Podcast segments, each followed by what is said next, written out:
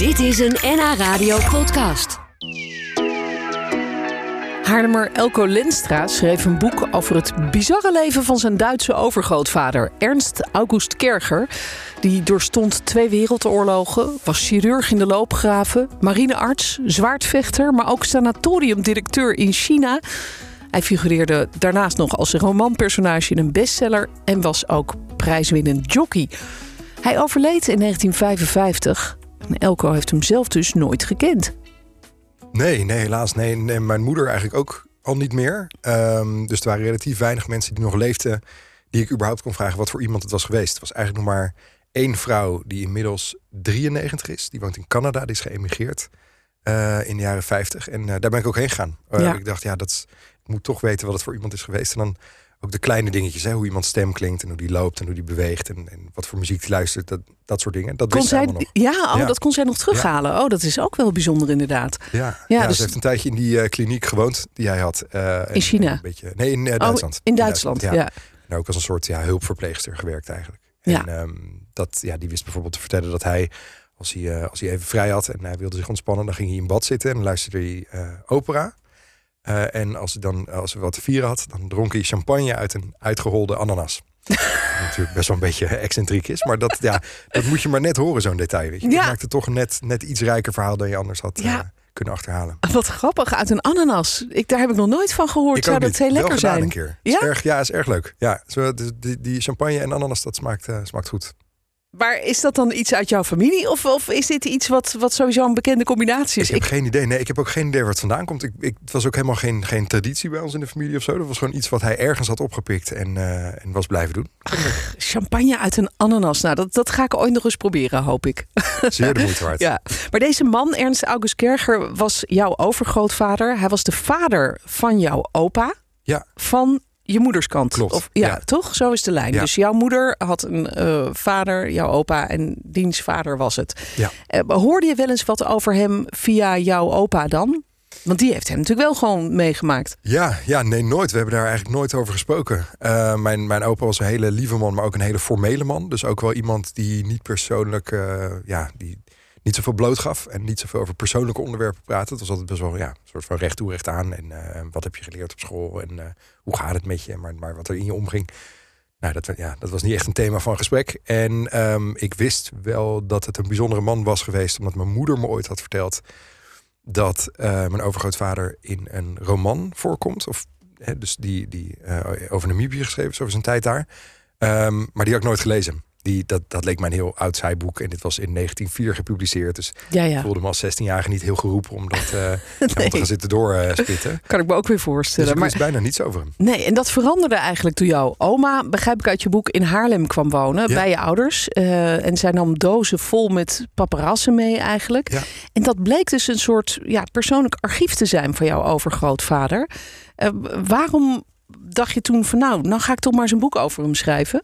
Wat fascineerde jou in zijn uh, verhaal, zijn geschiedenis? Nou, zeg maar, toen ik door die, door die dozen begon te spitten, toen um, werd me wel gauw duidelijk dat het een bijzonder leven was geweest. Hè, wat zich dus, dus overal ter wereld had afgespeeld. Of in ieder geval in China en Afrika en, Europa. Um, maar omdat het natuurlijk ook mijn familie is, is het een beetje, ja, wie, wie anders gaat het boek schrijven? Niemand is, voelt zich misschien genoodzaakt om, om uh, helemaal in iemand anders zijn familie zo diep uh, te gaan zitten graven. Zeker omdat mijn overgrootvader niet, ik bedoel, ja, die heeft niet de koers van de wereldgeschiedenis veranderd. Nee. Is eigenlijk helemaal in die zin niet zelf een bijzondere man, maar, maar wel iemand die bijzondere dingen heeft meegemaakt. Ja, en ook een heel bijzondere tijdspanne natuurlijk. Ja. Hè? Van zeg maar rond 1900 dat hij volwassen was tot uh, de jaren 50. Ja. Twee wereldoorlogen meegemaakt. En hij kwam uit een, een bakkersfamilie, begrijp ja, ik. Maar 300 jaar lang. Ja, maar hij doorbrak die lijn, want hij werd chirurg. Hij mocht gaan studeren. Ja. En um, uh, hij werd ook nog uh, jockey, zwaardvechter en nog veel meer. Maar laten we even beginnen met uh, chirurgie. in het boek beschrijf je dat zijn eerste operatie werd uitgevoerd toen hij tien was op een eend. Hij zat op een karretje en dat karretje werd getrokken door een ezel. En dat was wel een beetje zo'n familieanekdote die dan een paar mensen zo wel eens vertelden. En die, die ezel schrok van een eend die de weg overstak en schopte de eend. En dat, dat vel waar hij wat geraakt hing los. En mijn opa heeft uh, toen die eend niet laten liggen, maar meegenomen in de kar naar huis. Ach. En daar zo goed zo kwaad het ging, ging met, een, uh, met een naald en draad dat weer vastgeprobeerd te zetten. Dus en heeft de eend het overleefd? Ja, dat, dat is dus een beetje het ongelukkige aan die anekdote. Dat weet dus niemand. Oh, okay. Als ik zou moeten gokken, zou ik nee zeggen. Denk ik. Klinkt niet als iets wat je makkelijk kan, kan overleven. Nee, nee. En hij ging dus, uiteindelijk werd hij ook arts, marinearts. Hij ging naar Namibië. Ja. Dat, dat was rond 1904 toen de Duitsers daar eigenlijk ja, een kolonie hadden Ja. nog. Ja. Eh, en, en, en toen werd hij dus hoofdpersonage in een roman. Dat is toch ook wel weer heel gek eigenlijk? Ja, dat is een, een heel bizar toeval. Een studiegenoot van hem was mee en die heeft dagboeken bijgehouden. En die dagboeken kwamen in handen van een schrijver. En die, die schrijver wilde graag een roman maken over die hele toestand, eh, die hele oorlog in Namibië. Ehm, en die kreeg dus die dagboeken te zien en die, die heeft dat gebruikt als basis voor zijn roman. En in Ah. die roman komt mijn overgrootvader als ja, naamloze arts voor. Ehm, maar eh, aan alles kan je zien dat hij het is. Dus aan zijn postuur, hoe die beschreven wordt en hoe dat overlapt met zijn eigen herinneringen. Dus dat is, ja, dat is waanzinnig als je zoiets vindt. Ja, daar heb je dus ook heel veel aan gehad eigenlijk voor jouw boek. Enorm. Ja, Ja, Dat- want zelf schreef hij niks op. Het was wat dat er gaat, is iemand die best wel buiten. Ook eh, toen het boek af was, had ik het idee van ja, wie, wie was deze man nou precies? Maar om- omdat hij een, ja, een soort Pruisische officier uit rond 1900, die, die schrijft natuurlijk niet een dagboek met al zijn gevoelens en, emoties Lita. op. vandaag was weer een moeilijke dag. Ja, ja, precies. Maar, ehm, maar door dit soort kleine dingen denk ik wel van, nou, het zijn toch details die je dan boven tafel krijgt, waardoor je een beetje zo door zijn ogen die Duitse geschiedenis kan zien. Ik praat vandaag met Elko Lenstra. Hij schreef een dik boek over het bizarre leven van zijn overgrootvader, Ernst August Kerger. Die was marinier, chirurg, jockey, zwaardvechter, romanpersonage en nog veel meer. Je hebt eh, veel research gedaan. Je bent ook op reis gegaan, een beetje in zijn voetsporen. En het boek is getiteld Wij willen hier geen avonturiers. Waar slaat die titel op? Het klinkt Hij, alsof eh, hij wel wat weerstand ondervond. Ja, ja zeker. Nee, hij, eh, hij kwam op een gegeven moment terug uit Namibië, waar eh, die, die had deelgenomen aan, aan de, de oorlog daar tegen de, tegen de Hero, die daar de Duitsers weg wilden hebben.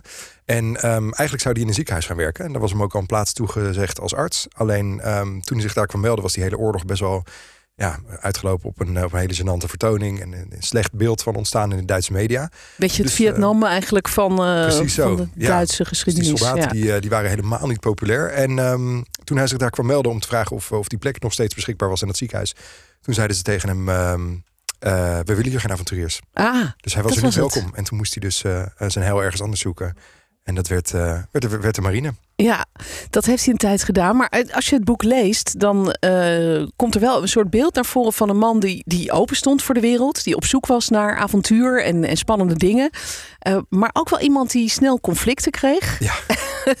vooral met zijn superieuren volgens mij. Eh, wa- was het een beetje een eigenwijze anti-autoritaire man? Heel, ja. Dat blijkt ook wel. Ik had zijn ehm, dossier zat in het archief. Ehm, dus ik kon best wel een beetje inkijkje krijgen in, in wat zijn superieuren over hem hadden geschreven. Zijn dossier van de marine? Ja, Ah, ja, en die waren allemaal heel tevreden over hem als arts. Maar er staat wel een aantal keer de aantekening van... hij zou best wel wat gehoorzamer mogen zijn. En hij zou ook wel wat minder vaak in discussie mogen gaan. Dus het was iemand die niet zomaar klakkeloos dingen aannam... eh, en deed wat hem gezegd werd. Ja, hij werd zelfs een tijdje verbannen naar China. Ook omdat hij kritiek had gehad op een kapitein eh, toen hij als marinearts werkte. En dat is ook een bizar verhaal zoals je dat beschrijft. Want toen hij daar aankwam, bleek eigenlijk dat er een soort mini Duitsland was nagebouwd daar in dat eh, soort Duits stadje met alles erop en eraan. Ja, ja, dat was heel gek. Ze hadden echt een soort klein stukje Duitsland in China gebouwd... met kaarsrechte straten en, en eh, straatverlichting... en eh, alles in Duitse bouwstijl, en neogotische bouwstijl. Dus Ja. dat moet voor hem heel gek zijn geweest... dat je dan wekenlang op een schip zit... en je gaat daar op een gegeven moment van boord... en dan is het eigenlijk alsof je net in Hamburg of Bremen eh aankomt, Ja. bij van spreken. Dat is echt idioot, inderdaad. Daar is hij ook weer weggegaan na een conflict, begreep ik. Toen ging hij terug naar Duitsland. En ja, dan bre- breekt er eigenlijk een hele moeilijke periode aan. Dan hebben we het over de Eerste Wereldoorlog. En eh, die maakt hij eigenlijk van heel dichtbij mee als arts die honderden soldaten heeft geopereerd eh, in en bij de loopgraven, Ja. vlakbij het front. Dat moet gruwelijk zijn geweest. Heb je daar ook veel informatie over gevonden en ook wat het met hem gedaan heeft? Ja, jij heeft daar zelf over geschreven. Dus dat, dat was wel fijn om een keer wat van hem zelf te hebben. Hè? Dat je echt in zijn, zijn hoofd kan kruipen hoe dat geweest moet zijn. Hij heeft, hij heeft vier jaar lang eigenlijk zonder pauze eh, hele jonge jongens staan opereren... Die, eh, die aan hun hoofd gewond raakten door kogels of door granaatscherven.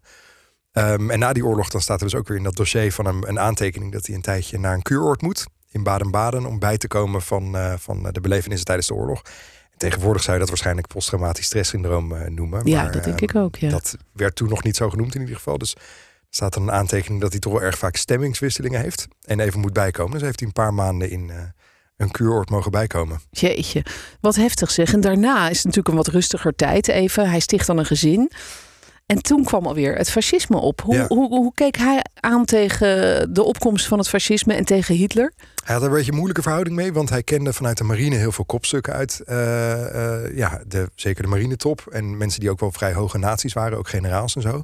Uh, maar hij was zelf vrijmetselaar geweest en daar hielden nazi's absoluut niet van. Oh ja. Dus hij was zelf geen lid van de partij en, en ook he, werd toch wel een beetje met hem omgaan alsof hij onbetrouwbaar was en dat ze niet zeker wisten wat ze nou eigenlijk aan hem hadden. Um, maar door zijn connecties was hij wel veilig, zeg maar, in de oorlog. Ja, maar hij ja. was dus ook niet fout. Hij ging niet bij de SS of bij. Uh... Nee, nee, maar hij had er wel mee te maken. Dus het was iemand die wel op momenten dat hij er gebruik van kon maken, zoals zijn zoons bij, het, bij de oorlog vandaan houden, wat hem bij zowel mijn opa als mijn oud-oom gelukt is. Uh, dan was hij daar ook niet te behoord voor. Dus het ja. is heel dubbel eigenlijk uh, hoe hij daar tegenover stond. Ja, op het einde van het boek, want we kunnen niet alle verhalen vertellen die erin staan, maar het zijn er heel veel en uh, ook heel gedetailleerd beschreven. Dus het, we, we, hebben echt het gevoel dat we hem heel dicht op zijn huid eigenlijk naderen en volgen op zijn ja, bizarre levensreis. Maar op het einde van het boek ga je naar zijn begraafplaats. Um, dat is dan ruim een halve eeuw na zijn dood. Hoe voelde dat voor jou? Nou, dat was een heel melancholische dag, omdat het, het, was ook eigenlijk het laatste wat ik nog moest doen, of wilde doen voor mijn boek eigenlijk. En dat kon steeds niet vanwege de, de verschillende lockdowns en corona en daar kon je de grens niet over en lastig uh, allemaal.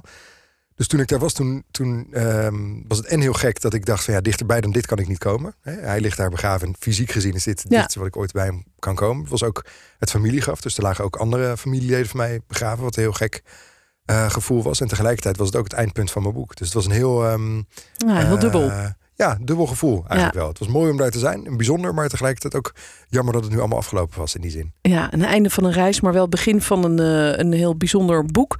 Dat heet Wij willen hier geen avonturiers over de vele levens van Ernst August Kerger en geschreven door Elko Lenstra.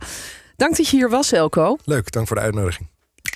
Dit was een NH Radio podcast. Voor meer, ga naar nhradio.nl. NH Radio